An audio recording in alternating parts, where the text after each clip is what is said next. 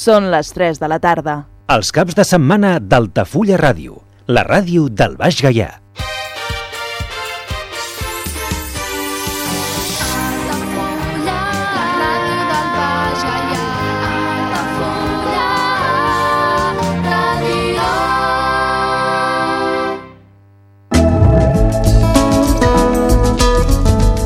L'agenda Altafulla Ràdio.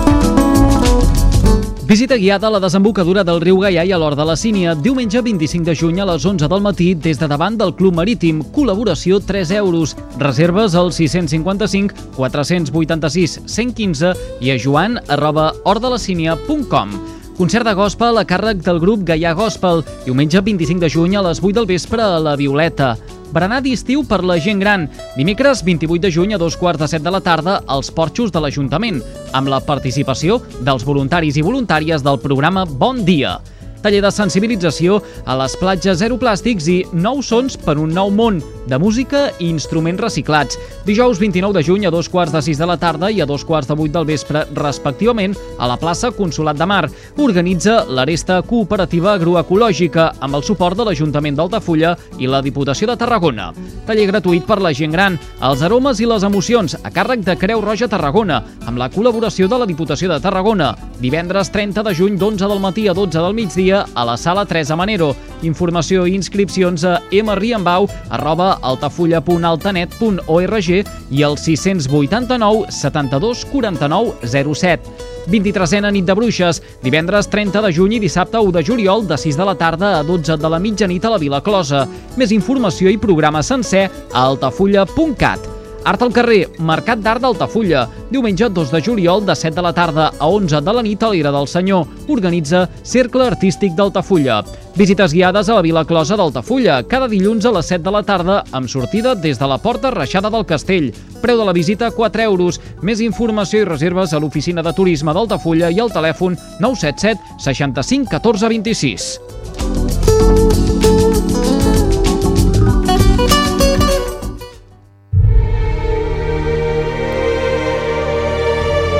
Parlem d'aquell cinema? Cinema clàssic a Altafulla Ràdio, amb Andrés de Andrés. On la música de cinema és el fil conductor. Cada cap de setmana a Altafulla Ràdio parlem d'aquell cinema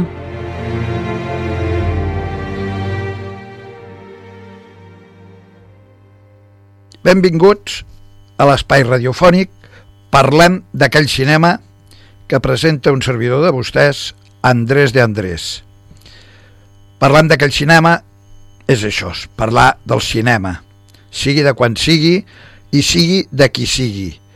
El mateix d'una orquestra, d'un artista, d'un tremollista, d'un botones, sigui qui sigui, tot lo relacionat amb el cinema. I avui vull parlar d'una pel·lícula molt emblemàtica, molt espectacular, com va ser la pel·lícula El Cid. El Cid és una pel·lícula èpica, és italo-estadounidencs de l'any 1961 que va produir eh, Samuel Bronston i va dirigir Anthony Mann.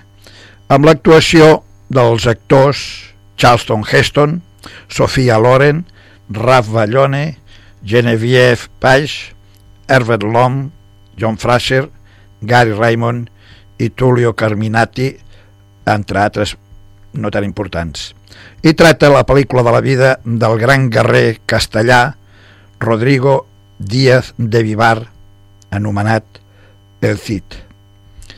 Amb la pel·lícula el paper protagonista és el de Rodrigo Díaz de Vivar, interpretat per Charleston Heston, la seva promesa Doña Jimena, que és l'actriu Sofia Loren, el conde Ordóñez, que és Raf Ballone, Urraca, la germana d'Alfonso VI, que és Genevieve Page, el rei Alfonso XVI de León, que és John Fraser, actor, Hur Hatfield és Arias, Massimo Serato és Fanyes, nebot de Rodrigo, Far, Frank Tring és Al-Qadir, rei de València, Michael Horden és Don Diego, el pare de Rodrigo, Andrew Cruikshanks és el conde Gormaz, Douglas Wilmer és el rei de Saragossa, Al Mutamin és Tulio Carminati, millor dit, Tulio Carminati és Al-Harifi,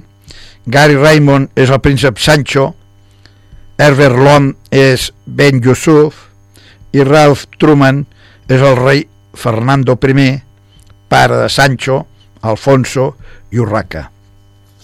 La pel·lícula comença amb aquesta obertura que sentirem a continuació. Obertura de la pel·lícula El Cid. És la banda sonora original.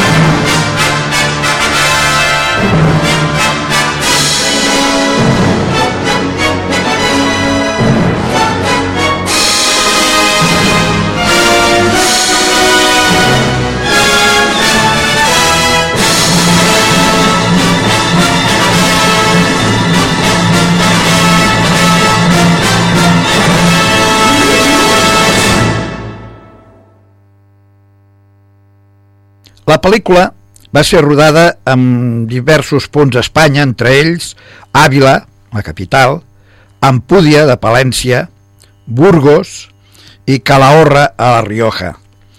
El rodatge de la pel·lícula amb el Castillo de Belmonte a Cuenca, a Belmonte també de Cuenca, Manzanares el Real de Madrid, Peñíscola a Castellón, Toledo, Torre Lobatón a Valladolid, també va ser rodada a Ripoll, a Girona, al Monestir, unes altres tomes van fer a León, unes altres a Madrid, a Colmenar Viejo, amb la ermita de Nuestra Senyora de los Remedios.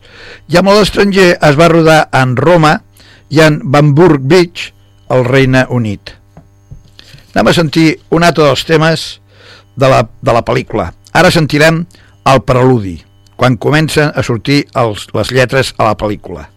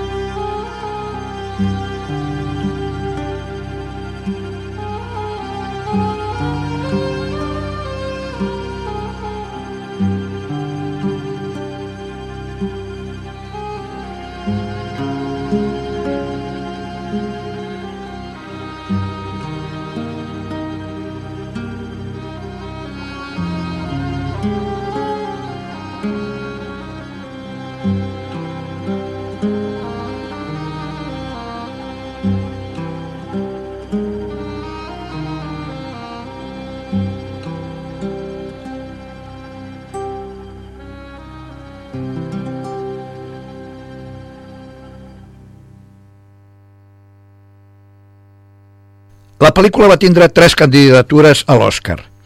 Per la millor direcció artística, per la millor música, per la millor cançó, El halcón i la paloma, i és una de les pel·lícules favorites de Martín Scorsese, el qual la considera una de les més grans pel·lícules èpiques que mai han sigut creades.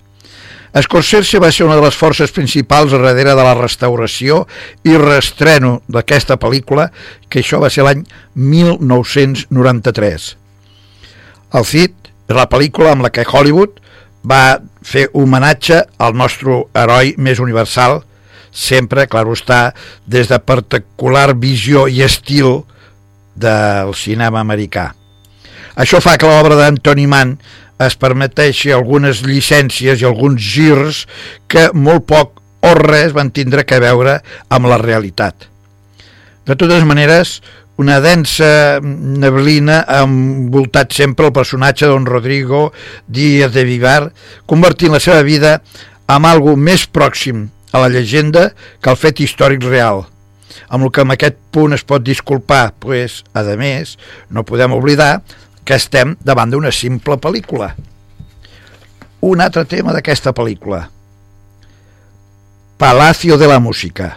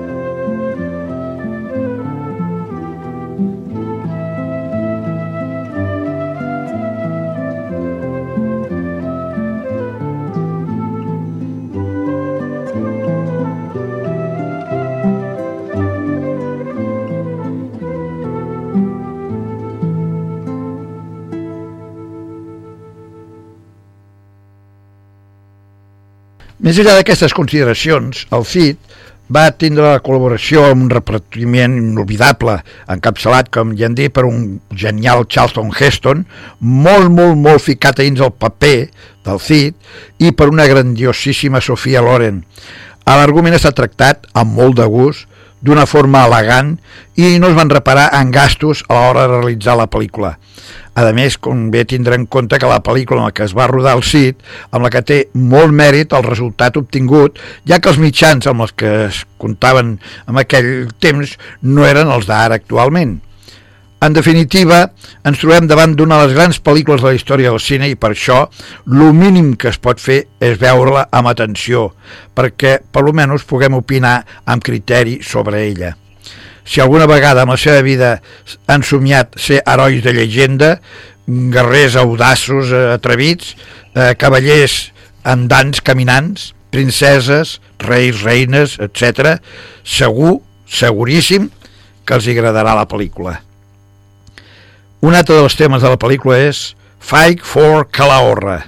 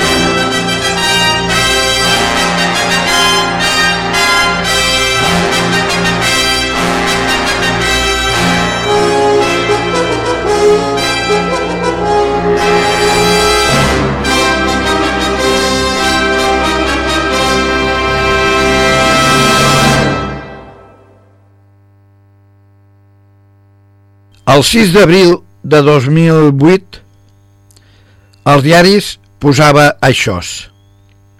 El Cid, el gran Charleston Heston ha muerto. Por Dios que sigue vivo. Aquests eren alguns dels encapçalaments d'algun diari. I a més a més posava avui, 6 d'abril de 2008, quan faig aquesta crítica, suposa un dels periodistes, acabem de perdre el gran Charleston Heston, personificació viva del gran Moisès, del gran Ben-Hur, del gran sobrevivent d'aquest nostre planeta de, de símios, de monos, el millor actor de cine de la llegenda i èpica amb mayúscules. Un magnífic actor que ens va demostrar en moltes ocasions i de moltes diverses formes el prototipo d'heroi, de persona extraordinària, de no covard i sí del més valent entre mil, d'home amb ombria, capaç de liderar accions que ningú té coratge d'emprendre, de, de, de comportament sense por al que diran, un tipus raro, poc donat a la xabacaneria, que si hagués nascut en Espanya hauria tingut molt difícil per treballar o rebre reconeixement, reconeixements en corporacions d'informació com per exemple Telecinco, on la copa de la transcendència humana es redueix a enarbolar el xismorreig, el xafarderisme, com un valor formatiu de masses.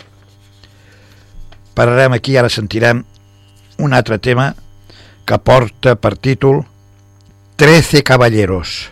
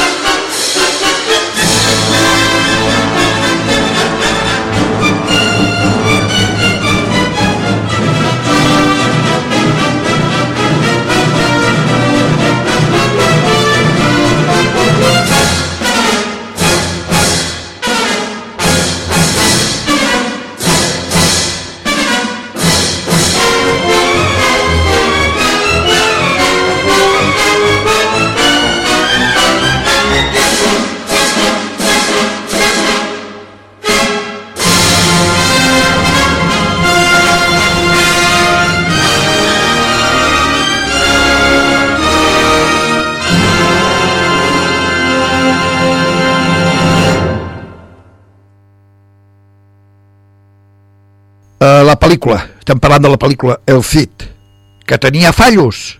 Per suposat, tot ser humà els té a tal punt que el propi Jesús de Nazaret, aquell meravellós ser que diuen que mai va pecar, es va passar alguna que una altra vegada ja insultant de manera fortíssima a tots els fariseus, ja descarregant el, el, el, el llàtic, eh, bueno, en català eh, no me'n recordo ara, amb, amb força contra els mamonassos que diuen de, de, de la gent rica i que estan ficats amb el temple amb una altra cosa que no és precisament eh, resar.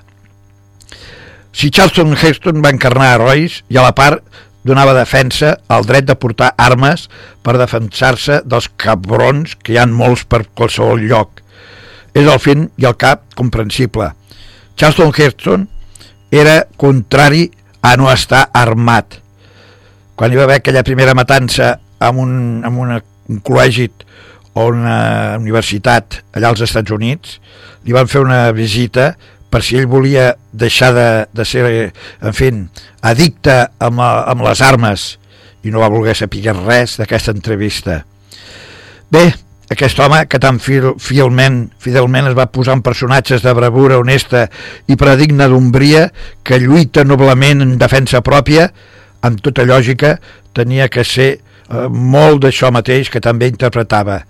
Ens agradi o no ens agradi però Charleston Heston, amb la vida real, era així. Li agradava tindre armes a casa seva i quan sortia de viatge en portava alguna amagada. Lògicament, tenia les seves llicències, com no, un personatge com ell, qui no li dona llicències? Bé, anem a sentir una altra, una altra part del tema musical, el Cid. I ara, imaginàriament, s'acaba la primera part de la pel·lícula i surt una música que és la despedida per després tornar a entrar amb la segona part. Per tant, anem a sentir ara, com si fos un concert, la despedida d'aquesta primera part de la pel·lícula El Cid. Proseguim.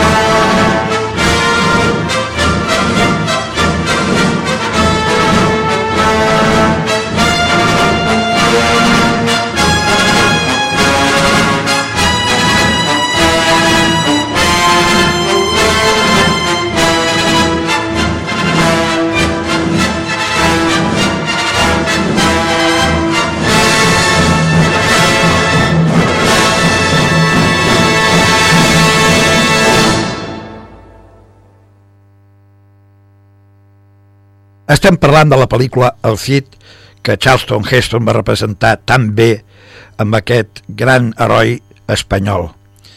Els diaris posava ha mort, però per Déu que segueix viu a l'actor per excel·lència de personatges mítics que sempre ens motivarà a ser guerrers, que, respe que respecta els seus enemics, a tindre el valor de lluitar de front i amb la cara al descobert, que prenguin del City del Charleston Heston, a defensar el seu honor, la seva glòria i les seves idees. Gent com els terroristes d'ETA, exacte, els polítics del PNV i la policia autonòmica basca, tots ells amb la covard costum d'amagar la seva cara a darrere de les màscares, de les mascaretes o masbaratetes.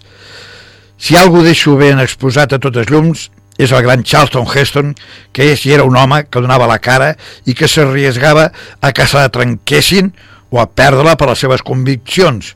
Per exemple, va recolzar públicament, va apujar molt la igualtat dels drets de les persones negres i es va oposar a la segregació de la gent pel seu color amb aquells anys en què havia que tindre molts de llonces per plantejar això obertament amb aquest país que és els Estats Units. I per últim, qualsevol pot veure emocionadament i sense cansar-se 50 o 200 vegades vàries de les pel·lícules de les que va ser actor principal Charleston Heston, per exemple, aquella que va tindre un Oscar, Ben Hur, es pot dir el mateix de la millor pel·lícula dirigida, per exemple, de Pedro Almodóvar, Julio Medem o Juan José Vigas Luna? En fi, anem a sentir una altra vegada. Ara, al començament de la segona part del CIT. Escoltarem a l'intermig El CIT de Marzo.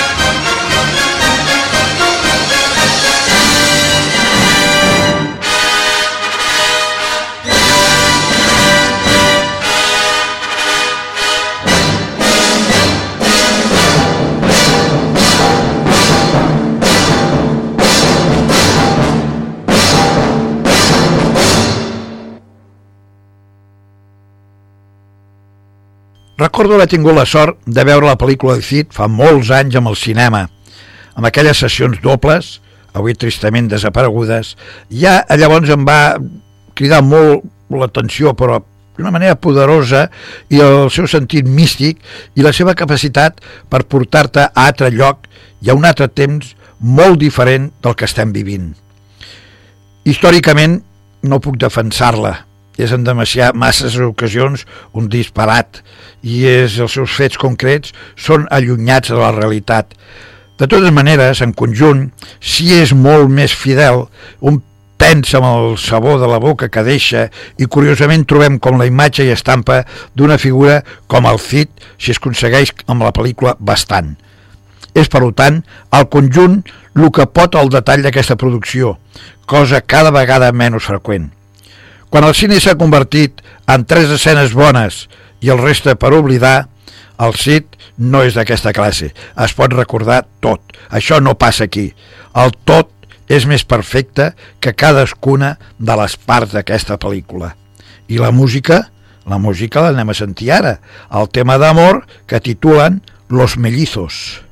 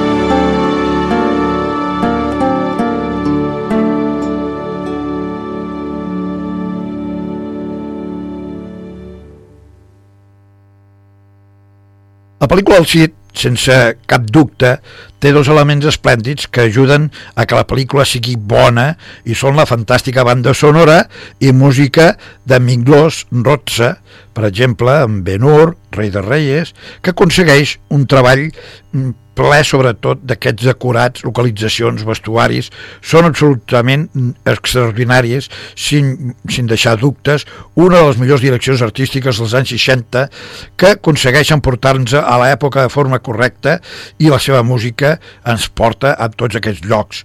I ens dona inclús olor a medioevo en cada pla de la pel·lícula. I la música de Milo Rotses pues sí, ara tenim aquí, ja quasi al final de la pel·lícula, que és Batalla de València.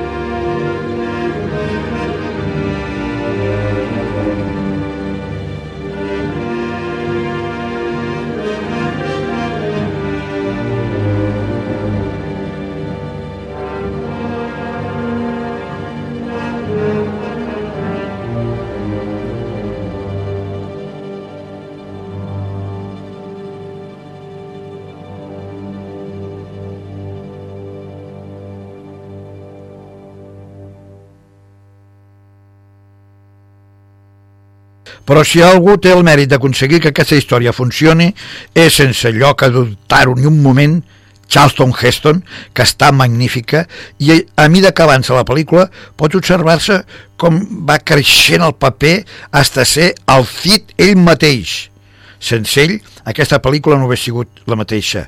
Un actor en ple estat de gràcia amb un paper fet a la seva mida. Sofia Loren no està, en canvi, tan, tan expressiva com quasi sempre, però almenys surt guapíssima, que és de lo que es tractava. Encara és una llàstima que la seva història d'amor tingui tant de pes, ja que impedeix més l'època a l'acció. Això sí, la millor actriu de la pel·lícula és la francesa Geneviève Page, com Urraca, que a més d'un atractiu morbós, ofereix molts detalls amb les seves escenes a tindre en compte. S'està acabant la música de la pel·lícula El Cid i ara sentirem La muerte del Cid.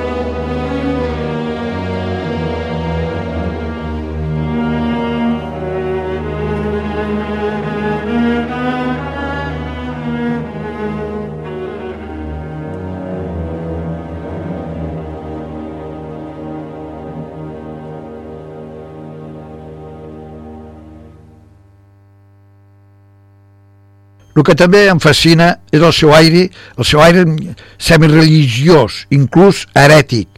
Creus que el Cid, com jo amb la profeta? Pregunta ben Yusuf. Sí, crec, li respon Ordóñez, fantàsticament irreverent. El Cid va ser la primera pel·lícula de la factoria Bronston i en realitat és la millor, solament superada amb algunes qüestions per 55 dies en Pequín y muy superior desde luego a Rey de Reyes, La caída del Imperio Romano o El fabuloso mundo del circo. El que vulgui aprendre històries, que llegeixi el poema del Mio Cid i que revisi l'enciclopèdia. Però la pel·lícula és soberbia, no em canso de veure-la. El director és un mestre del western i es nota la influència d'aquest gènere amb la pel·lícula, ja que hi ha una escena en què els moros semblen els índios del Far West. Charlton Heston es troba molt còmode en un paper de l'héroe èpic i s'identifica molt amb el personatge. Mai vaig veure tan guapa Sofia Loren. Heston tindria que anar en aquells temps com una moto i això es nota amb les escenes d'amor perquè si s'hi fixen, com vegi la pel·lícula, surten xispes entre Rodrigo i Jimena, molt bona química amb la parella protagonista. I la música de Miguel Rosa és una obra d'art, tant quan l'acompanya les escenes d'amor com a les romàntiques. La fotografia és preciosa. Des de la serra madrilenya a Penyíscola, lapsus perdonable de l'estela d'un avió a reacció amb el cel, no sé si s'hi han fixat amb aquest detall, que surt una petita ratlleta blanca d'algun avió a reacció que va passar. En fin, que encara que no sigui molt fidel a la història, la pel·lícula és excel·lent i segur que gosta, que agrada aquí i en tot el món. I ara acabarem la pel·lícula El Cid, amb la seva banda sonora original, amb el títol La leyenda i epílogo. I Andrés de Andrés, un servidor de vostès, espera que els hi hagi agradat la música i l'explicació que es fa sobre aquest tema cinematogràfic. Andrés d'Andrés els agraeix la seva atenció i espero que els hi hagi agradat i que segueixin escoltant altres pel·lícules. Pensin que faig de tot tipus. Les faig de bones, de dolentes, de tota classe i moltes anècdotes. Gràcies i fins la pròxima.